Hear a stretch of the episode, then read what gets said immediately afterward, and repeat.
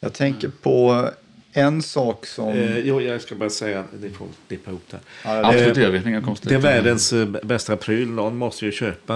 Va- Varför säljer inte den här? Och då menar jag på att eh, det, det här är typ som uppfinnare. Va? Att man, man uppfinner eh, världens bästa grej och eh, sen är det ingen som vill köpa den.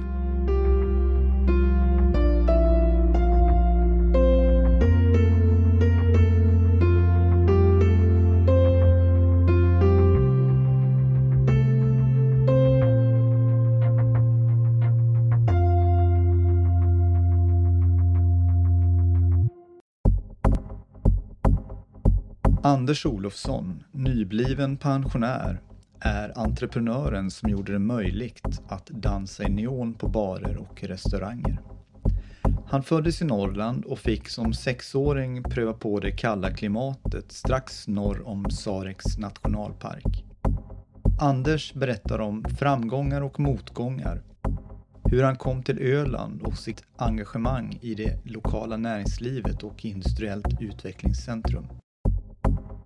Han ger också sina tankar i den här podden om företagande, lönsamhet och om seriefiguren som blev hans förebild. Anders, du växte ju upp i, utanför Umeå i Hörnefors. Det stämmer. Min far jobbade ju på en, en fabrik eh, utan, strax utanför Hörnefors. Och, eh, det, det var ju en sån här massafabrik som tillverkade eh, papp, eller, ja, massa till, till papperstillverkning. Då. Och det var ju dåligt betalt. Och eh, eh på den tiden så, så var det väldigt många eh, norrlänningar som ville flytta söderut. Det var ju väldigt många som flyttade till Stockholm då. Eh, mina föräldrar ville också flytta, fast de ville flytta längre söderut till Kalmarområdet. Då. Eh, och för att ha råd att göra detta så var det så att eh, när jag var sex år, Eh, året var 1963, eh, så bestämde han sig för att ta jobb som skogshuggare uppe i något som heter Sorva. Eh, det ligger eh, uppe i lappmarkerna. Eh, och eh, vi, vi åkte dit på den tiden när man var sex år. Och på den tiden så hade man inte så mycket att säga till om, så det, det var bara att hänga med. Så jag och min tvillingbror Erik, eh, vi, vi följde med mina föräldrar. Och eh, han hade tagit ett tre månaders eh, jobb där uppe. För på den tiden så, så började man ju bygga ut vattenkraften uppe i Norrland. Så det krävdes ju väldigt mycket eh, jobb, folk, arbetare som, som röjde i skogen där. Sagt och gjort, våren 1963 så åkte vi dit. Och eh, ja, vi bodde... Ja, när vi kom dit så, så, så var det snö eh, så, där vi skulle sätta upp tältet inne i skogen. Så det var ju att skotta. Eh, och sen eh, så var det ju kallt för att eh, där, där uppe så gick ju... Kärlen Tjälen går ju nästan aldrig ur jorden riktigt. Så det, det var kallt. Eh, ja, och där, eh, där bodde vi i tre månader. Eh, och sen skulle han ju vara färdig med kontraktet men han ville förlänga det ytterligare tre månader då. Bodde ni, du menar att ni bodde i tält hela familjen eller? Ja, eh, far och mor eh, och min tvillingbror och jag. Vi bodde fyra personer i det tältet. Ja. Var det, hur kallt var det då? Ja, jag har svårt att veta det, men det var kallt. Alltså, på nätterna var det ju kallt. Det, det, det var jag kommer ihåg idag. Vi, vi, eh, vi lärde oss rätt mycket hur man skulle hålla värmen faktiskt eh, på nätterna. Det gick ju inte liksom att eh, elda inne i tältet sådär, så det, det fick man ju inte göra. utan Man fick ju hitta andra, andra möjligheter till att hålla värmen då.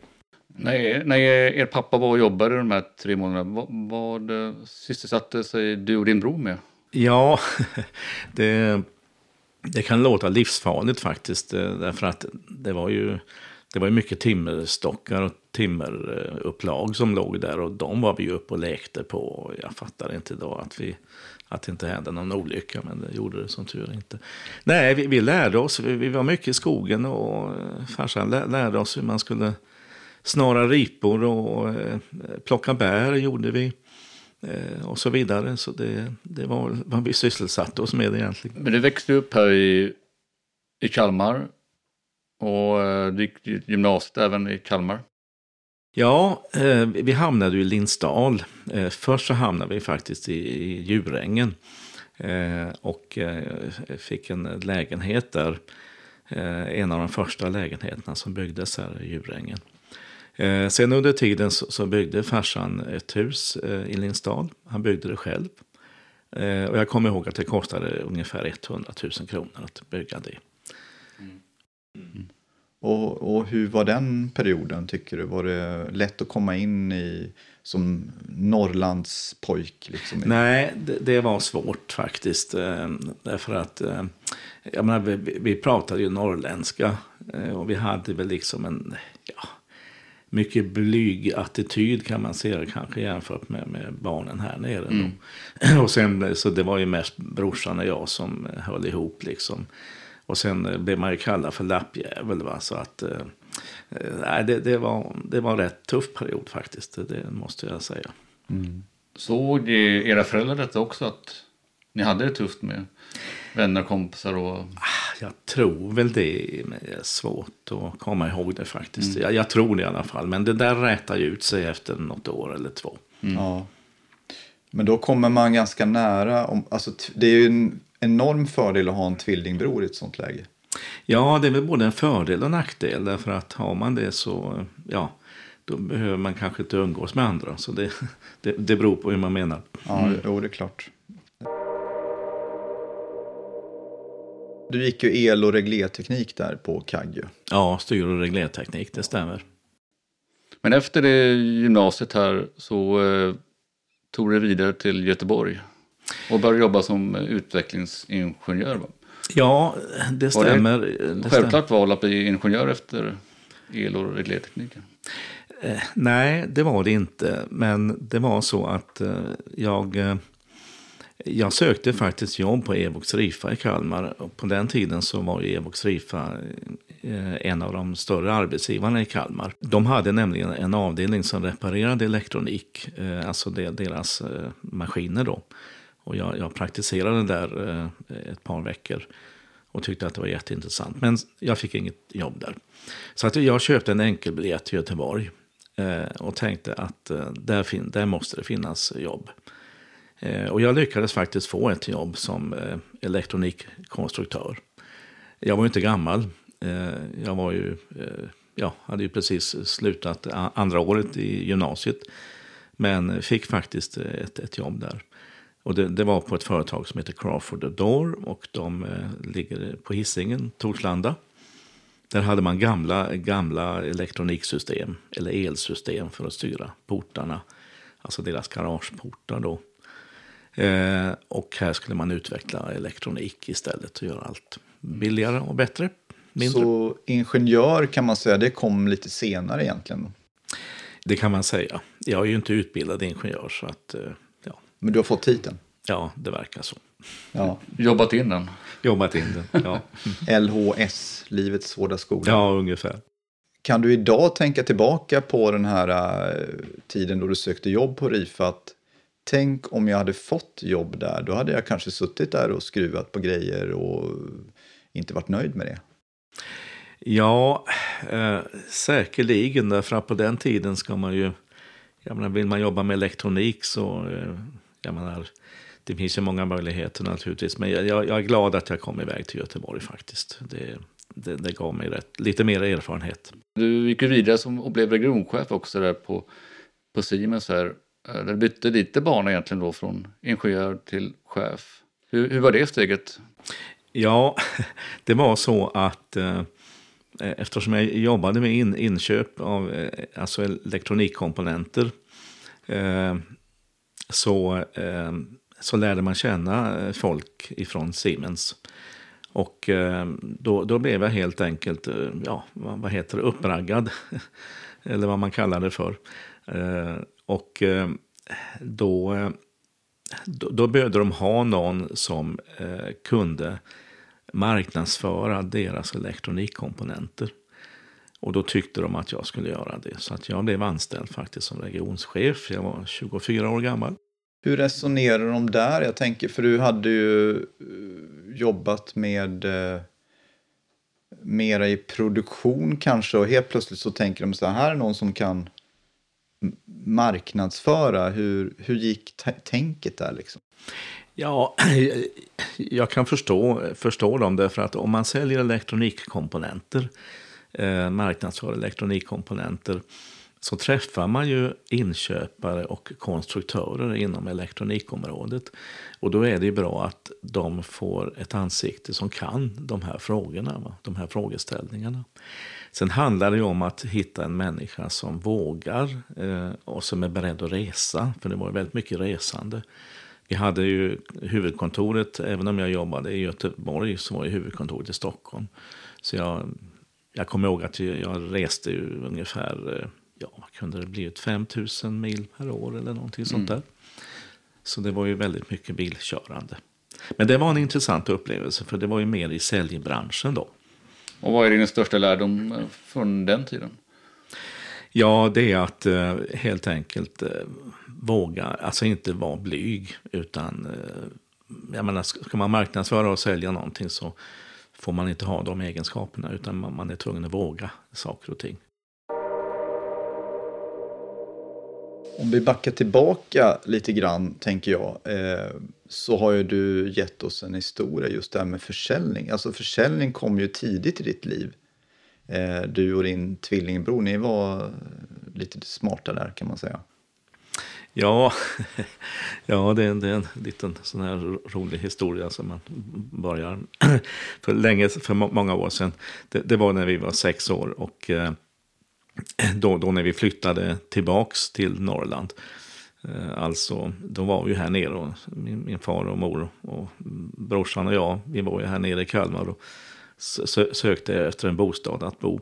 Då, eh, innan vi återvände upp till Lappland så eh, sa han till oss, eh, min bror och jag, att vi skulle skaffa två stycken skokartonger. Eh, sen klä dem med aluminiumfolie på insidan.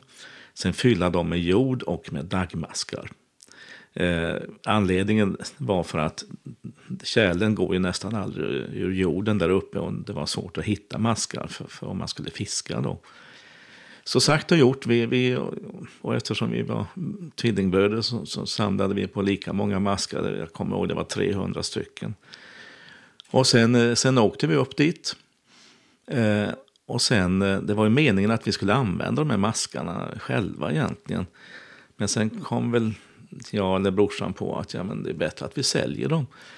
Eh, och då ska man veta det att det här var inga, det fanns bara små grusvägar där uppe på den tiden. Eh, så att vi, vi ställde oss med, med, på varsin sida om vägen med varsin skokartong med maskar. Och sen hade vi väl textat någon liten handskylt där, maskar två öre styck. Eh, ja, eh, i alla fall så Ja, sen, sen ungefär eh, när hälften av mina maskar var slut så då sa jag faktiskt till eh, de här hugade spekulanterna att nej, jag har slut på maskar. Du får köpa brorsan där på andra sidan vägen. Va? Ja, det gjorde de det och brorsan han sålde ju slut på maskarna. Va? Eh, och sen, eh, sen när de kom till mig så han kunde ju inte sälja några fler för han hade ju inga. Då, då eh, då hade priset gått upp från 2 öre till 4 öre. Eh, för jag hade ju ingen konkurrens då.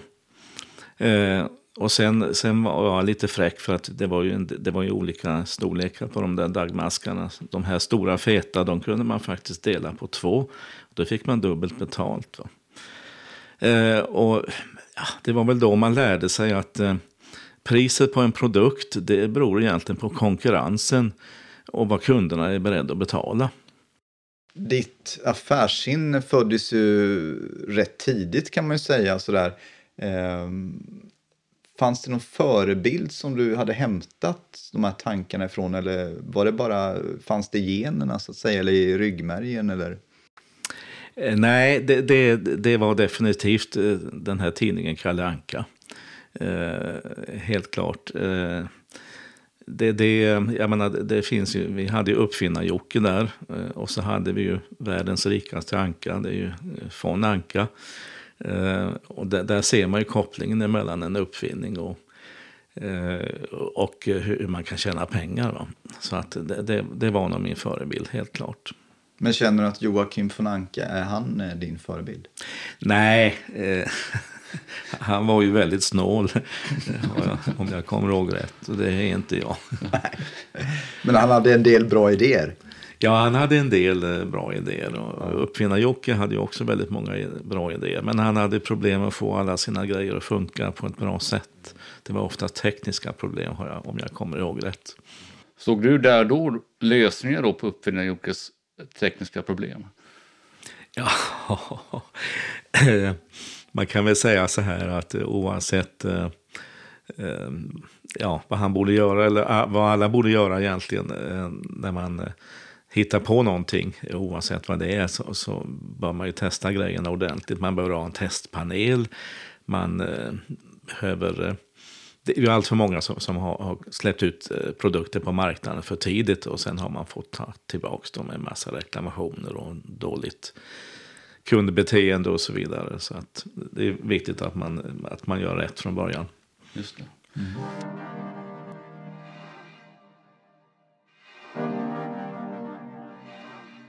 Om vi går tillbaka till tiden i Göteborg så satt du och funderade på en, en uh, uppfinning. Ja. Vad, vad, var det för någonting och vad såg du, hur kommer det sig att du började titta på det? Eh, jo, eh, det var nog egentligen en slump men eh, eh, man kan säga så här att eh, för, förr i tiden Eh, nu använder man ju lysdioder till allt möjligt, alltså LED så kallat. Men i början på 1900-talet så använde man neonrör till eh, reklamskyltar. Ni har säkert eh, sett de här eh, Cloetta-reklamen och tant, eh, framförallt Eh, tandkrämsreklamen och så vidare. Framförallt började i Stockholm i början på 1900-talet. Eh, neonrör är eh, fantastisk ljuskälla, håller jättelänge. Problemet är att man måste ha väldigt hög spänning. Vi har ju 230 volt i väguttaget och ett neonrör kräver 1000 volt per meter. Ett, de här transformatorerna som man använde på den tiden för att driva neonrören, de levererade 4000 volt. Eh, och fick man en eh, elstöt av den så var chansen att du dog var väldigt stor kan jag säga. Man fick därför inte på den tiden eh, och inte innan den här transformatorn heller använda neonrör inomhus. Alltså i barer, restauranger, kaféer och så vidare. Eh, och det var på grund av den här elsäkerhetsrisken då. Den här transformatorn jag uppfann, den, den gjorde egentligen samma jobb. Den skickade ut högspänning, drev neonrör.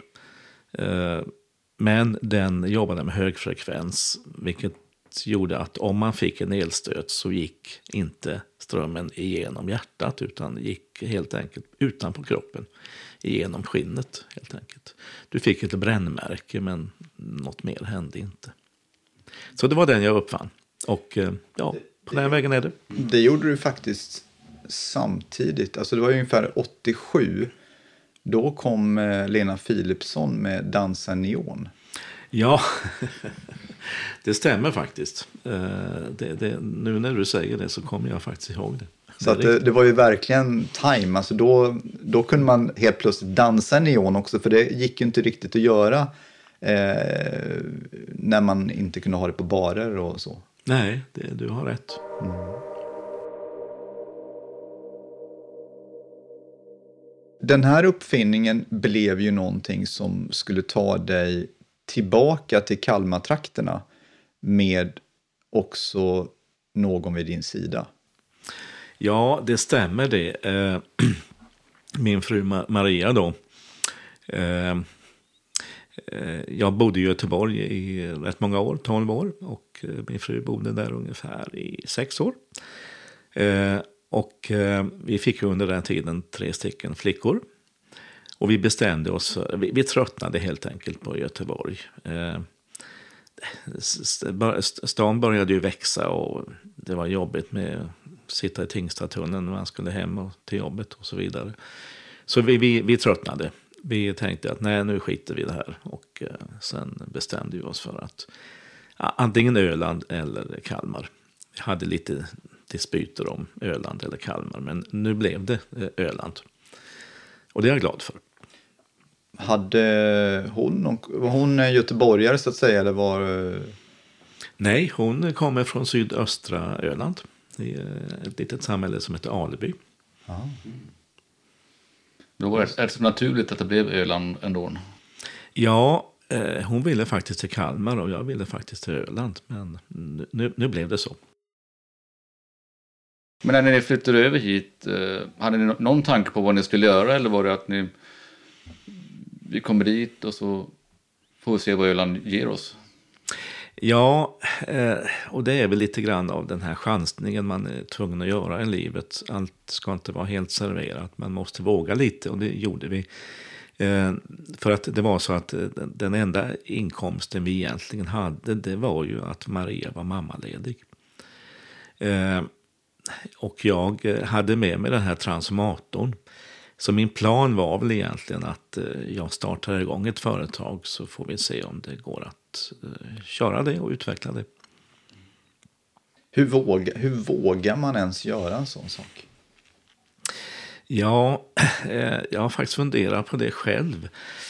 Jag, jag tror att det har, det har med ens eh, uppväxt att göra.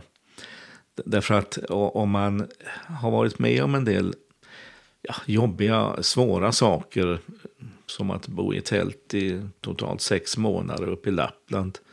Eh, inte ha något jobb, man köper en enkelbiljett till Göteborg. Eh, jag menar, då, då vågar man lite grann. Man kan ju inte mer än dö, kan jag säga. Eh, men det, det, var, det var ju inte så att det flög som en raket från början här utan det var ju några år här innan det lyfte liksom. Ja, så var det ju. Det var ju det var tufft i början. Eh, jag kommer ihåg faktiskt att eh, eh, jag ringde till, ja, nu heter de Ölands Bank, men då var det ju Sparbanken och Föreningsbanken hade ju slått ihop sig då.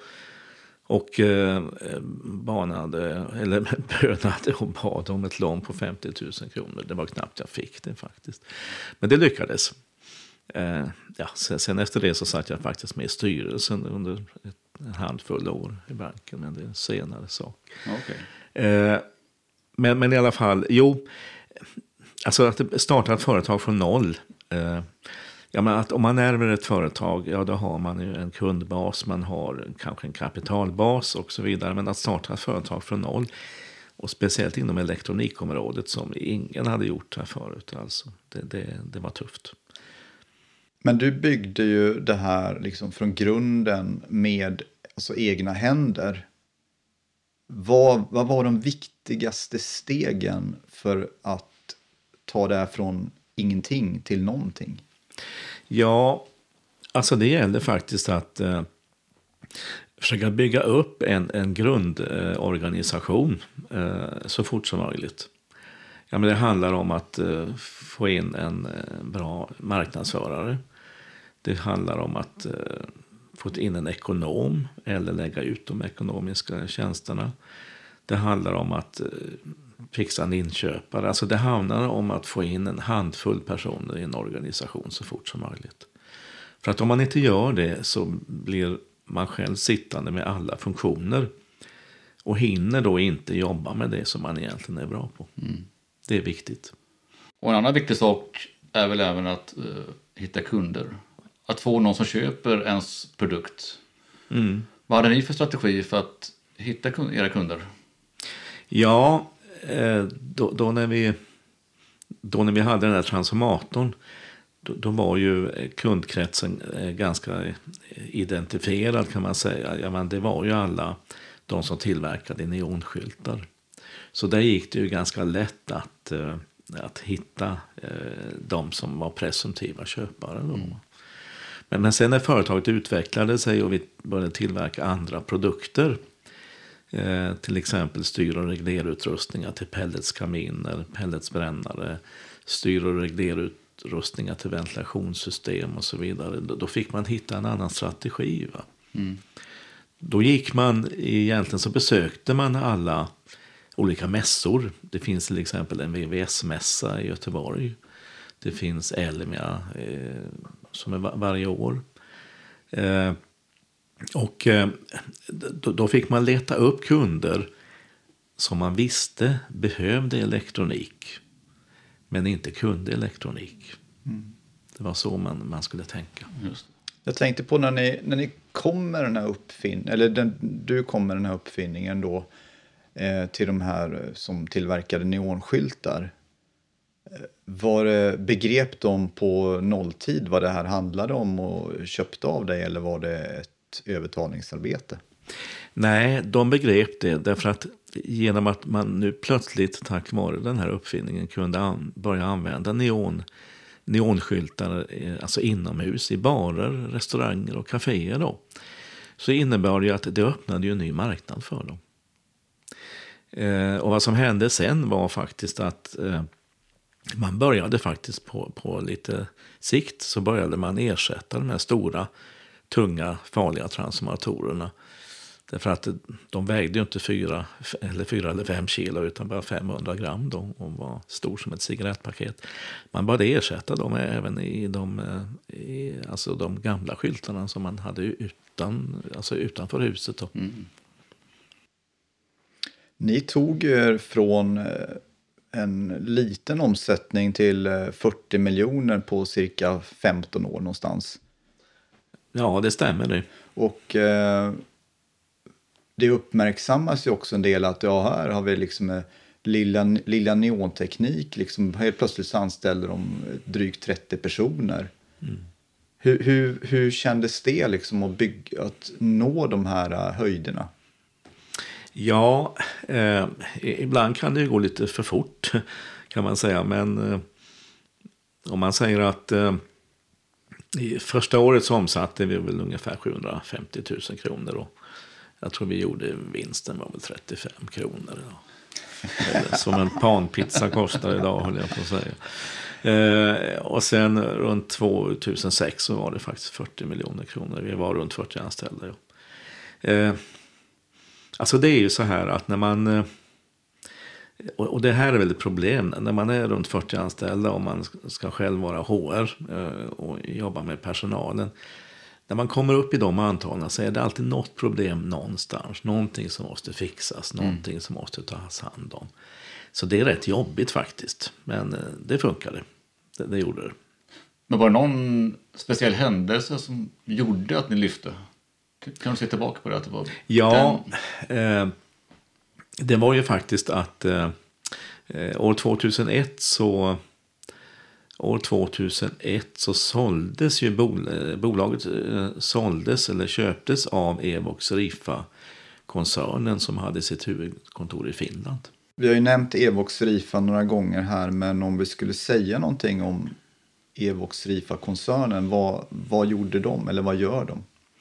Ja, Evox Rifa-koncernen eh, existerar inte idag eftersom eh, de eh, Eh, de såldes år 2007 till en amerikansk koncern som heter Kemet Electronics. Eh, och då hängde ju vi med i det eftersom Evox Rifa-koncernen ägde oss. Mm. Eh, så år 2007 så fick vi plötsligt 10 000 anställda i hela koncernen. Kemet, Electronics de hade vid det tillfället en, jag tror det var 12 fabriker världen över alltså. Mm. Så då blev vi helt plötsligt så blev vi, blev vi amerikanskt ägda. Om man skulle förklara vad Kemet och Rifa och sådär gör för, vad ska man säga, folk som kanske inte är så insatta. Vad skulle du sammanfatta deras uh, sysselsättning med? Sig? Ja, det är, det är uh, alltså komponenter, alltså elektroniska komponenter till, uh, ja, som används i alla andra, i alla apparater i alla de eh, elektroniska och elektriska apparater som, som vi, vi använder idag. Och varför tror du Rife ville köpa just er? Ja, eh, det, det berodde på att eh, på den tiden så hade jag startat ett EMC-labb. Eh, det står för Electromagnetic Compatibility. Och det är egentligen har med CE-märkning av produkter att göra. Där använder man för att eh, bota eventuella problem som en del apparater har så använder man kondensatorer.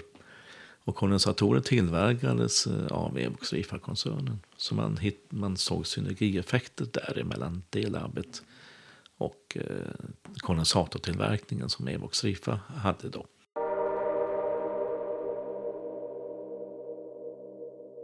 Men om ni har kommit fram och utvecklat ett antal produkter här på Dextron. Oh ja. Hur, hur hittar man så att de blir lönsamma? För alla produkter mm. går ju inte hem i stugorna. Nej, det där är en bra fråga. För att eh, alltså det är ju så här att eh, det, det är lätt att man, att man tar order, att man vill växa, man tittar på omsättningen. Va? Och enbart fokuserar på omsättningen. Och sen vid varje årsbokslut så, så blir det en liten surprise va, där man ser att ja, men, i det här året så har vi tjänat pengar och nästa år så kanske vi inte tjänar pengar trots att omsättningen kanske ökade från ett år till ett annat. Mm. Eh, och det är väl en sån här erfarenhet som man lärde sig. Eh, eh det är att eh, jag, jag, brukar kalla dem för röda, gröna och gula produkter. Eh, och det, det, är egentligen så att eh, man måste bryta. Tillverkar man ett antal produkter eller även om man bara tillverkar en produkt så måste man absolut se till att göra efterkalkyler. Eh, och det är det som alla företag har svårt med. Det är ju att vad, vad ska man offerera för pris? Eh, det vet man ju egentligen inte förrän man, efter att man har tillverkat den. Så att därför efterkalkyler, och det ska man inte göra en gång, det ska man göra kontinuerligt. Alltså.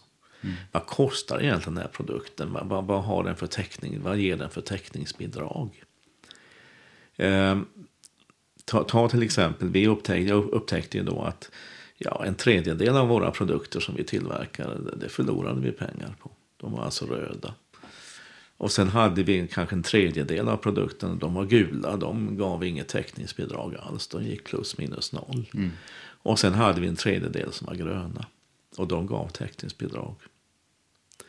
Jag, jag, brukar, jag brukar säga så här, jag, jag kallar dem för, för gropen, gropenprodukter. Alltså det är så att om man tillverkar en röd eller gul produkt. Eller en röd produkt, då, då tar man med sig spaden ut och så går man ut på gräsmattan och gräver ett litet, eh, litet hål. Och så varje gång som du levererar en röd produkt så blir det där hålet större och större. Levererar du en gul produkt, ja då blir inte hålet större, men det blir inte mindre heller. Och sen måste du fylla igen, det är de gröna produkterna som fyller igen hålet. Va? Så att ibland så kan det faktiskt vara så att man eh, eh, har man röda produkter och även gula produkter då, då ska man eh, höja priserna. Punkt slut. Mm.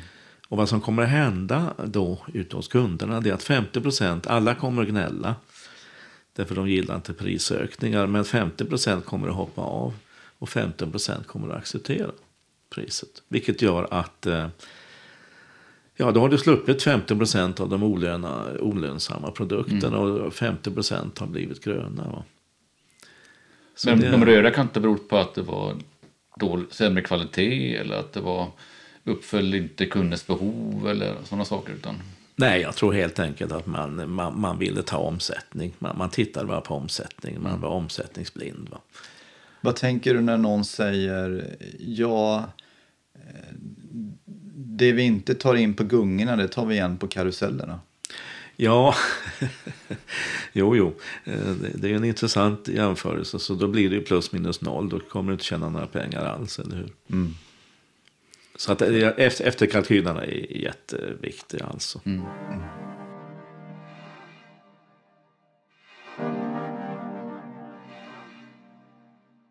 Du har ju också varit väldigt inblandad i det här med IUC. Det stämmer. Och eh, kan du utveckla vad IUC står för, vad det är för någonting? Och... Ja, det är så att eh, eh för länge, lång tid tillbaka så var Mona Salin eh, i spetsen, eh, Socialdemokraternas Mona Salin eh, som införde detta. Och det var här var efter att man hade löntagarfonder. Eh, där hade man tittat Eh, en del på hur man gjorde i USA och även i andra länder. Och där ville man skapa så kallat utvecklingscentrum. Eh, sagt och gjort, eh, man, började, man började med detta runt Volvofabriken. Eh, och IUC står för Industriellt utvecklingscenter. Eh, jag kan bara säga det att idag så finns det faktiskt 21 stycken eh, IUC. Alltså industriella utvecklingscenter som täcker hela Sverige. Allt ifrån Skåne upp till, eh, upp till Norrland. Eh, och eh, då var det så att de här bolagen är, de är egna, det är egna aktiebolag. Men tillhör en, en, en central som heter IUC Sverige. Och år 1997 då bildades, eh, då, då bildades Industriellt utvecklingscenter i Kalmar län AB. Bildades 1997 och då, då, sökte man efter delägare och då gick jag in som delägare där. Och vad var det som lockade med det? Ja, jag gillade konceptet. Eh, därför att konceptet var att eh, man fick ha eh, ett visst antal procent eh, ägare ifrån kommuner. Eh, och sen skulle resten eh, vara eh, delägare ifrån alltså företag i länet. Och eh, Industriellt utvecklingscenter, jag känner ju mest till Kalmar även om jag har jobbat en del tillsammans med, med IUC Sverige då. Eh, för jag har jobbat som projektledare eh, i, i Kalmar då. Och de, de gör ett fantastiskt arbete. Och det är så att det kan ju vara svårt idag för den egna enskilda företagaren att veta hur ska man kompetensutveckla sig och sin personal. Eh, hur ska man, eh, eh, vem ska man kunna vända sig till vissa frågor som har med, med, med företagsamhet att göra.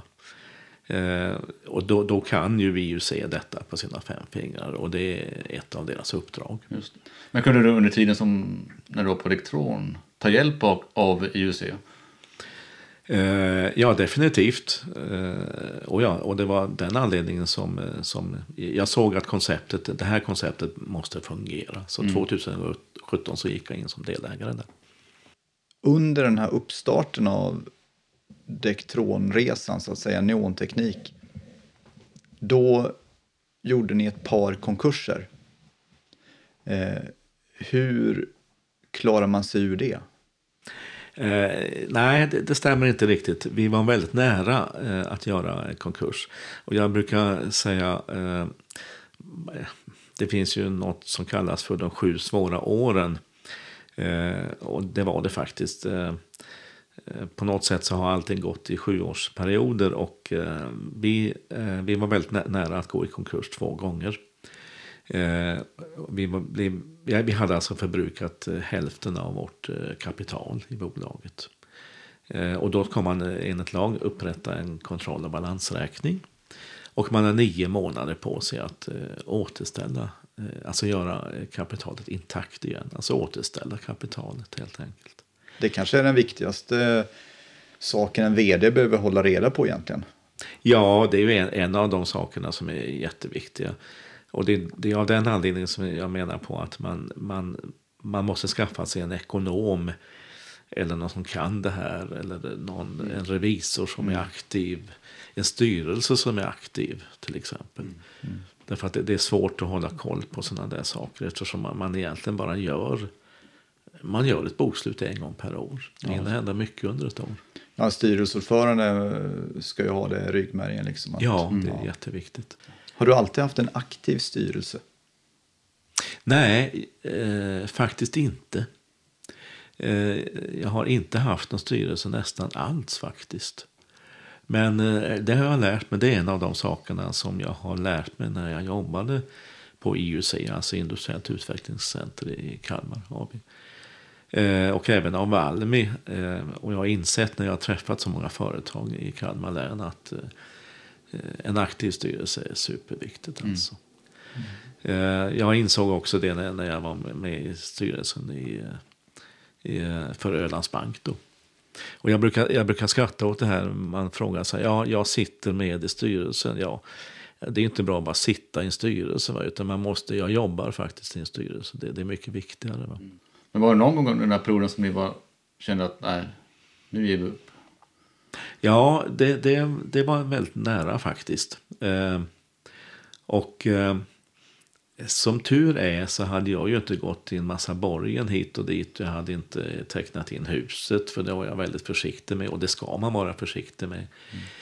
Mm. Eh, så att det, det, var svårt men, och det var också svårt att ta ut lön naturligtvis. Men eh, ja, jag brukar skämta och säga nu finns det ju ICA Basic. Det finns det kanske fanns det ju inte då men det fanns väl något liknande.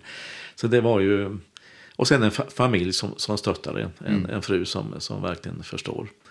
Mm. Men det var, det var nära, det var det. Mm. Men det lyckades, vi lyckades hålla ut och vända eh, skutan.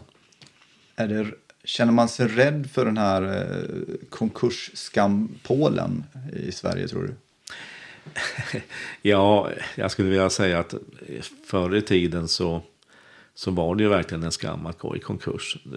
Tittar man nu som det är nu så är det ju inte det riktigt. Och tittar man i USA så är det ju överhuvudtaget inte någon skam. Däremot så är det ju så här att där säger man ju att det här ger en erfarenhet istället. Mm. Jag menar, går man i konkurs så vet man hur man ska göra nästa gång mm. för att inte gå i konkurs. Och vad var största lärdomen från den, den tiden? Då? Eh, ja, det var ju att håll, kon, håll koll på din kontroll och balansräkning. Ja. Eh, se till att eh, du inte har för mycket eh, röda produkter. Eh, se till att tjäna pengar. Jag menar egentligen är det ju så här att du bör ju sätta som mål eh, du måste ha 10% efter sista raden. Mm. Jag menar, därför att du har löneökningar på 1-2 och investeringar i nya maskiner. Mm. Alltså det finns, du, du måste kunna utveckla bolaget eh, och tjänar du inga pengar så går det inte det. Va?